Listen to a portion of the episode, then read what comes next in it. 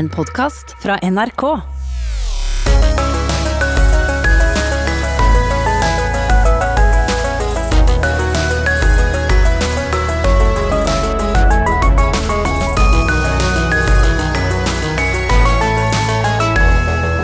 Han ene er teologen som i 45 år har skrevet sanger for både truende og tvilende.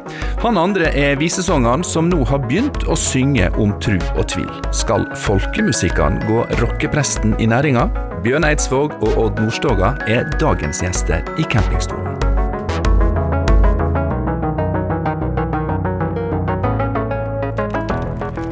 Ja, selv om sommerferien er på hell og over for mange, så er det noen som klamrer seg til det gode livet på hytta og ikke rikker seg derifra.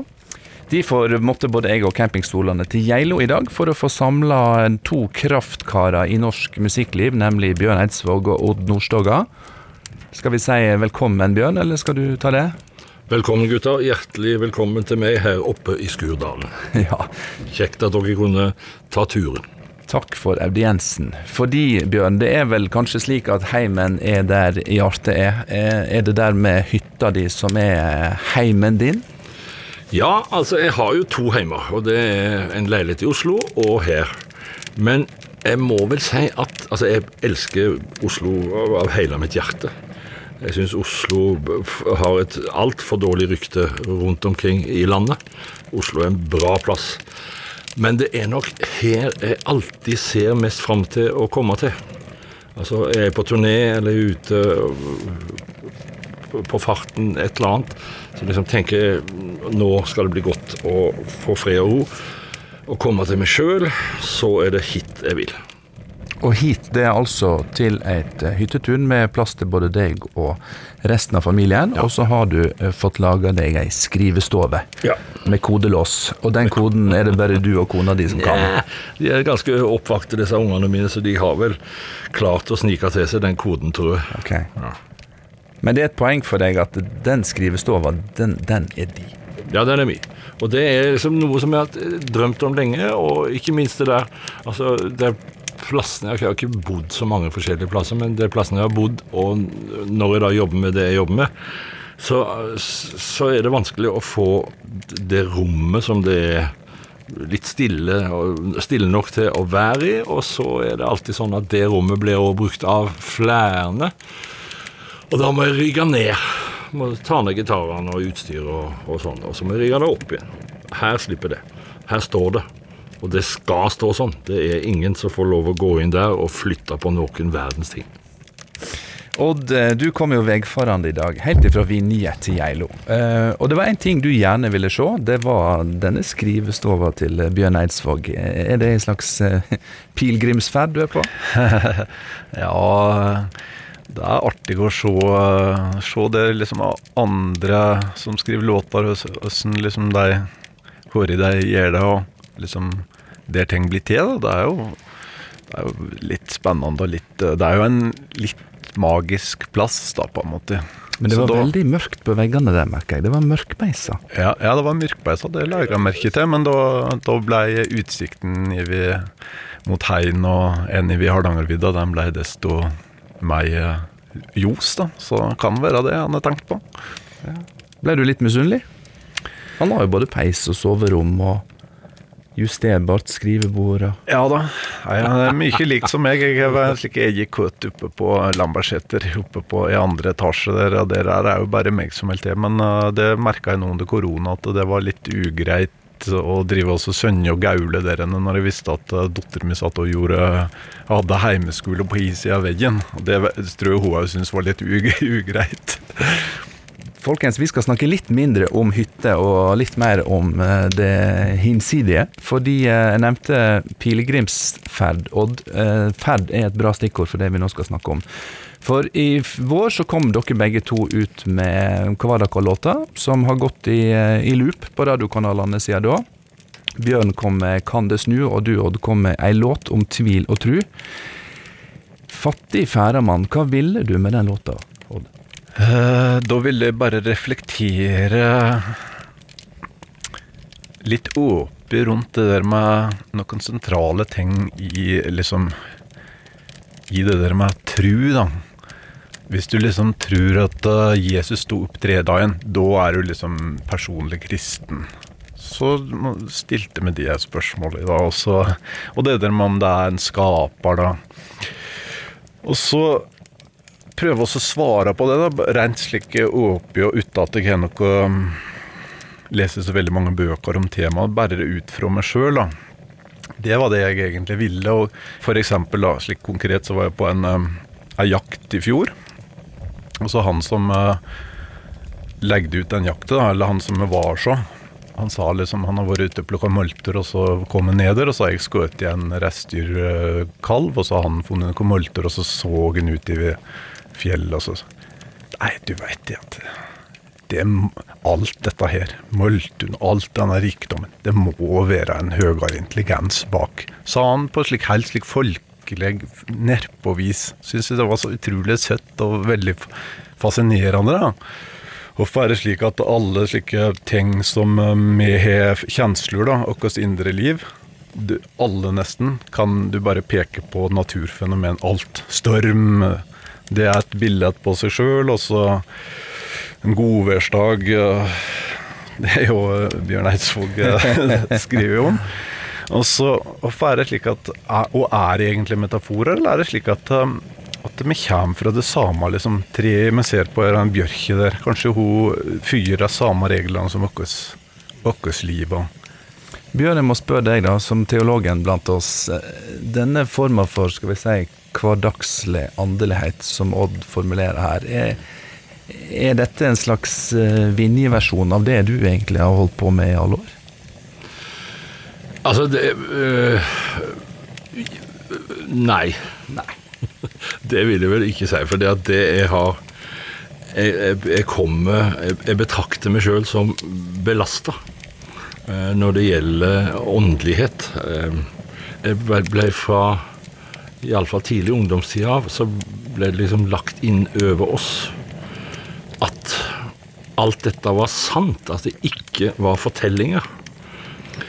Eh, Og derfor så, så har jeg nok slitt med å komme til eh, den der åndelige måten Odd, du Odd, nå liksom nærmer deg dette på. eh, Fordi at jeg har hatt så mange andre spørsmål. Men i dag så er jeg der sjøl. Altså i dag så er jeg jeg har tatt tilbake disse historiene som, som fortellinger. Jeg har det bedre i de fortellingene eh, nå enn jeg hadde før. Altså det å skulle teste ut, sånn som du nevnte med at liksom, er du en kristen, så må du tro at Jesus sto opp, så må du tro at Gud drepte sin egen sønn for at vi skulle øh, bli forsona med han fordi at med en gang Adam og Eva spiste av kunnskapens tre i paradis. Hele det, det settet av Altså Dette er en- slags sånn dogmatisk forståelse av, av disse fortellingene. Og den liker jeg ikke. Den, den er liksom Den er rett og slett ferdig med. Eh, Nå betyr den noe helt annet for meg. Liker du formuleringa 'kan du tru på ei styrende hand som leier deg over og setter deg i land'? Altså, jeg ble rørt eh, første gang jeg hørte den sangen din, Odd. Jeg, ble dypt uh, bevega av det, fordi at det er en sånn tilnærming til det som er Altså som er så gjenkjennelig for oss alle. Eh, altså, de spørsmålene du stiller, er de spørsmålene alle kan si. Ja, akkurat sånn kunne jeg jo ha sagt det. Men de har ikke sagt det. Det var det du som fikk æren av å gjøre. Så, så ja, det kunne jeg definitivt ha sagt. Men Odd, når du nå skriver om eh, Jesu oppstå, ikke en mindre, så er jo det langt hjemme fra mor. Frøken Fransen, grisen i tunet og en farfar i livet. Eh, ja, Er det du som er han færamannen i eget liv? absolutt. Det er derfor låten heter 'Fatig færamann'. Fordi at jeg eh, ser på meg som veldig fatig i de der eh, spørsmålet der. Jeg liksom Jeg bare, er bare meg sjøl, og så syns jeg at eh, for, for jeg stiller meg jo sjøl noen eh, store spørsmål og prøver liksom å tilnærme meg dem litt, da. Og da må jeg jo kvittere til slutten med å si at jeg er tross alt bare en fattig far, men jeg har ikke, peiling, egentlig. Så er jo min erfaring er jo da at uh, hvis en reflekterer litt slik for sin egen del, så er det, så er det kanskje noen andre òg som er på det nivået, da. I dag er campingstolene satt opp på hytta til Bjørn Eidsvåg på Geilo. Hit til skrivestova på fjellet har han også invitert Odd Nordstoga.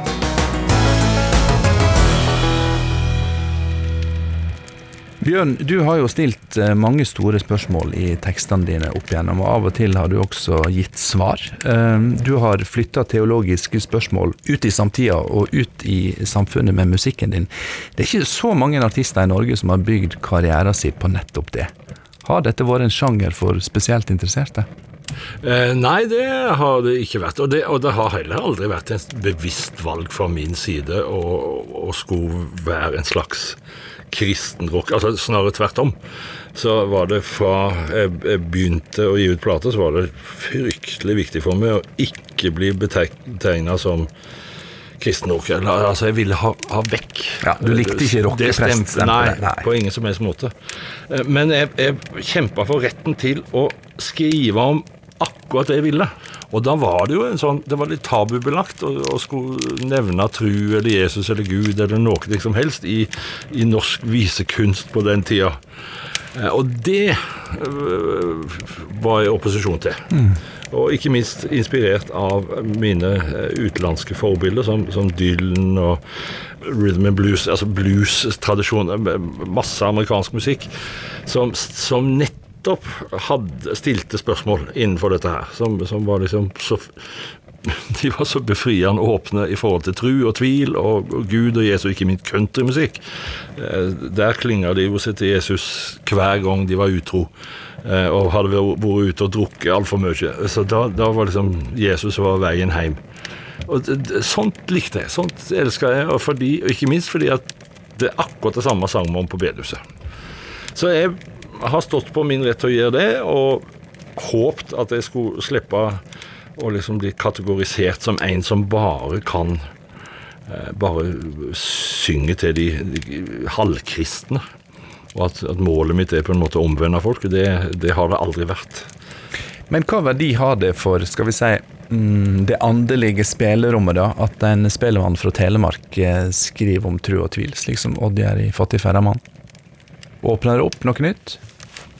Jeg vil, si, jeg vil, ikke si, det åpner opp noe nytt, men det holder vel like en god tradisjon. Altså det, det er jo ikke uvanlig. Det, det, dette, det, er mange som har stilt de store spørsmålene og prøvd å begi seg ut på å finne bilder som, som, som er litt vekker gjenklang hos oss til den lengselen etter den store tilhørigheten eller mening, altså se en slags mening bak dette tilsynelatende ofte meningsløse livet. Så, så, dette er jo eh, Her står Odd i en veldig bra tradisjon. Mm. Men samtidig sa du, Odd, at eh, egentlig bra du er fra Vinje i Telemark, og ikke fra eh, Sørlandet eller eh, et eller annet lågtrykk på Vestlandet. Hva mente du med det? Det mener jeg med det at uh uh, jeg tror mye rundt slike ting som det, det her med uh, tradisjoner som vokser opp med, det er jo litt fascinerende. For er du liksom uh, Er du kristen eller ikke kristen eller religiøs eller så? Det er jo egentlig et veldig slik personlig spørsmål. Men det er noe slik da, at hvis jeg har vokst opp på Sørlandet, så er sjansen veldig stor for at jeg har vokst opp i et bedehusmiljø. I motsetning til at jeg har faktisk vokst opp i Venje i Telemark og vært flaska opp med mållag og, og ungdomslag mm. i den tradisjonen. Og det er egentlig veldig mye til felles med disse røslene, men det er bare litt slik u, u, Det er litt ulike på teologien, da. Hva respons har du fått? Du har jo fått mye god respons på låta, men hva respons har du eh, som person fått fra folk som kjenner deg, på at du skriver en sånn tekst? Uh, nei, som kjenner meg, de sier vel at det er en fin låt. da. Det var en, mor sa det var en, dette var en stor låt, i betydning at den tok opp i seg mye store ting. da. Men, uh, men det er utrolig hvordan folk, uh, folk liker når du liksom tør å pirke borti noe som Tør å peke, pirke borti noe, så får du mye mer reaksjoner hvis du gjør deg prøver alt du kan og lager en slik enkel og lett låt som passer på P1.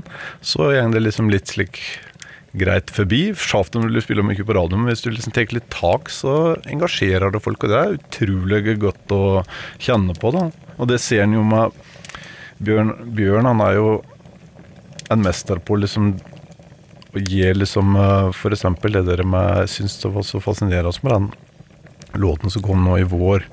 Du liksom gir tør liksom å gange det dere det der med lidelsen, eller menneskelig lidelse, er litt det det handler om. Den låten. Og så tør liksom å synge ut det. Og så Ja, for det er nettopp det folk Folk he, Alle familier har det i rett med seg, da. Og da er det Derfor så er det òg en veldig viktig plass i trubadurens verktøyskrin. Og for at det er oss, hvis en ser bort ifra at vi skal live av det, og vi skal rundt og underholde folk, og folk skal klappe og kose seg og ha det bra, men den egentlige oppgaven til oss trubadurer er liksom å å liksom være den der musikalske um, hånda og halli ofte, da, og kjenne seg igjen i. Når det var i vikingtid, så var det slike skaller som uh, hadde den oppgaven, og, i vår tid så er det vi som ber liksom den oppgaven, da. Bjørn, like etter at Norge stengte ned, så kom du med låta 'Kan du snu'. Um, og det er jo mildt sagt å si at du traff en nerve i folket. Var denne låta meint som ei trøst til folk og land? Nei, den, denne låta ble skrevet fordi at vi i vår familie øh, gikk gjennom en slags si, et lite jordskjelv eh, av en, noe som gjorde vondt. Som liksom for, for, for, balansen og harmonien hos oss. Og det kom fryktelig uventa, og ja. Og da skrev jeg denne sangen. Da, for da, da, da, ble det, da ble det mørkt hos oss ei stund. Eh, og dette har jo jeg, jeg har jo jobba som uh, sjelesørger i mange år. og, og og hørt mange sånne historier. Jeg har vel egentlig, og jeg har kjent på mørket sjøl òg, selvfølgelig, men, men, aldri med som familie på, på denne måten her. Derfor så, så, skrev jeg sangen, og det er noe jeg har, øh, gjør av og til. Altså når jeg går gjennom litt sånn kjensleting øh, som, som ryster meg, og ikke helt vet hva jeg skal gjøre med, så er det å skrive en viktig ting. Og så var vi i studio og spilte inn dette her. Og vi kom ut av studio 12. mars. Og da hadde jeg altså den sangen ferdig. Og da gikk det jo ikke mange dagene før det var noen, det var noen i liksom, eh, rundt oss som hørte på den sangen, som sa at den må jo Den er jo skrevet for det vi nå har gått inn i. For det var, alle tror jo at dette er en koronaaktuell ja, låt. Men jeg ser jo at den, den er absolutt relevant inn i denne samme angsten, den samme redselen, uvissheten, utryggheten som, som, vi nå har vært i og er i ennå. Eh, som, som jeg beskriver her, bare på et mer personlig plan. Nå sitter jo alle og lurer på hva i all verden er det som har støtt til Bjørn Eidsvåg og hans familie. Vi skal ikke gå inn den døra, tror jeg. Nei, men Jeg kan bare si at det, det, det har snudd hos oss. Ja. Så det Så det kan snu? Det kan snu. Ja, Det var jammen godt å vite. det jeg ville fram til, Bjørn, er at du har mange låter uh, som betyr mye for veldig mange. Og så lurer jeg på, når du har skrevet disse låtene som blir brukt i uh, livets bratte bakker, i gravferd, og når, når det butter imot, kjenner du også på et slags ansvar for å skrive noe som kan bety noe for, hadde nær sagt, nasjonen, da, i kritiske stunder? Nei, jeg gjør ikke det. Eh, det, det er mer sånn jeg har, har, gjort det litt, da. Men det er mer sånn fordi at situasjonen kaller på trubaduren i meg. på en måte, altså på Hvordan blir min fortelling om dette? Eh, eh, jeg har nettopp nå ferdig med en sang som jeg som har skrevet om konkret om den koronatida vi er inni. Men, men det, jeg, kjenner ikke det som et kall. Jeg bare kjenner at, det opptar meg så voldsomt at jeg, at jeg, har Jeg må skrive om det. Altså, det er eh, jeg, jeg syns det er en fantastisk fin utfordring å prøve å gå inn i og sette ord på det der På den redselen, på det, den usikkerheten som er der. Og, og her er jo musikk fantastisk, da. Altså, det jeg ikke får til med ord, kan musikken hjelpe til med. Altså, vi snakker om åndelighet. altså Det forundrer meg ofte at, at når jeg skriver, så er det altså Papiret er hvitt, så plasserer jeg ord ned på det, og plutselig så, så møter på en måte de ordene som jeg har skrevet, de utfordrer meg på en eller annen måte til å finne andre ord. Akkurat så altså, det- På et, magisk eller mystisk eller kanskje bare helt forståelig vis så er det, så liksom et, et samspill her som Jeg lurer av og til på hvor hvor kommer de tingene fra som jeg, som jeg skriver, da? Du hører på sommerserien 2 i campingstol på NRK P2. I dag fra hytta til Bjørn Eidsvåg. Her er han og Odd Nordstoga dagens gjester i campingstol.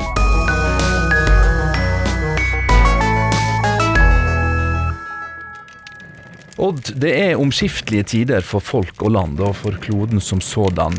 Tenker du òg at det krever mer av eh, trubaduren og av musikken? Nei, men vi må liksom Hvis en skal være relevant, da, så må en liksom være litt på ballen der. da, liksom Ta det inn og få det ut på et eller annet vis. Jeg kan jo ta et bilde som jeg har tenkt på, da, som òg er litt framme i den der Fatige Færamann-låten. Og det, der er det at eh, hvis du tar liksom eh, Han har jo sagt det, han eh, Karl Ove Knausgård òg.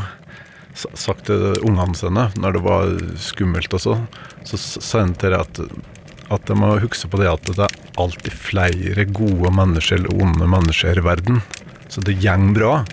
Og så en annen ting med det, så er det at hvis en ser rundt seg alle plasser her ute på grasbakken du, du kan se hvor som helst i hele verden. Da. Det, eh, så er det jo slik at alt som liver, da, det, det tøyer seg av all sin kraft mot, mot lyset, da. Det er jo et utrolig flott, flott å tenke på. At eh, det faktisk er slik helt konkret. Det gir jo veldig håp, da. Tenker jeg. Bjørn, du nevnte ditt forbilde Bob Dylan eh, i stad, som jo har hatt sin eh, erfaring med det mer gospelinspirerte og spirituelle, og det er mye, mye håpsformidling i den typen musikk. Tenker du at nå er det dags å, å skrive låter som gir eh, mer grunn til håp enn til tvil?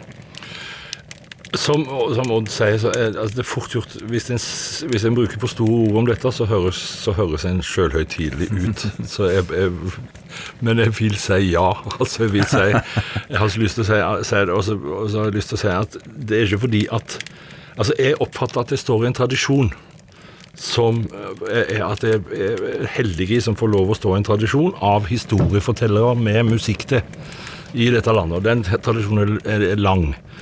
Og, og den tradisjonen er viktig. Altså sangene er viktig. Så derfor, når det ble tatt ifra oss, så godt som tatt ifra oss, så syns jeg det er skummelt. Altså jeg selvfølgelig aksepterer det av smittevernhensyn og sånne ting, men jeg tenker at en må holde åpen de plassene hvor sangerne får lov til å møte publikum, og, og vi trubadurer får lov til det. da. Så ja, ja et, jeg, jeg syns jeg har en viktig jobb, og jeg, jeg tenker at i den tida vi er inne i, så er dette, så er dette viktig. Det kvitterer jeg på.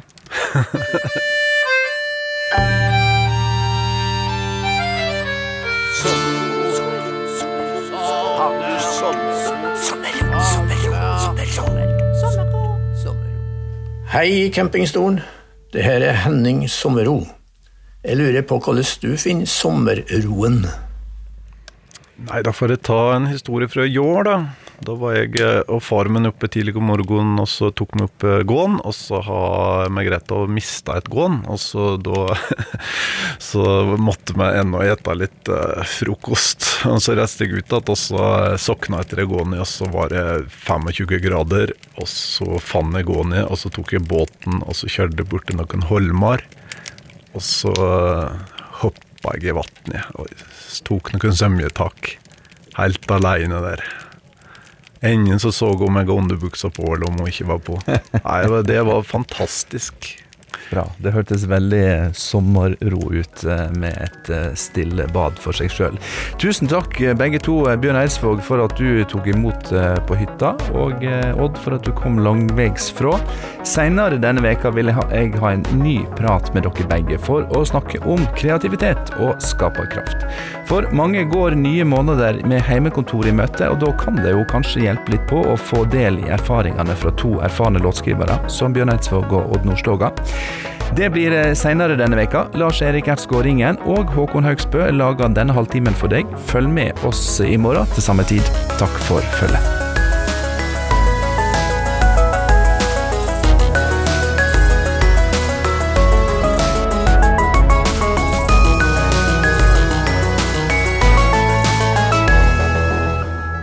Du har hørt en podkast fra NRK. Hør flere podkaster og din NRK-kanal i appen NRK Radio.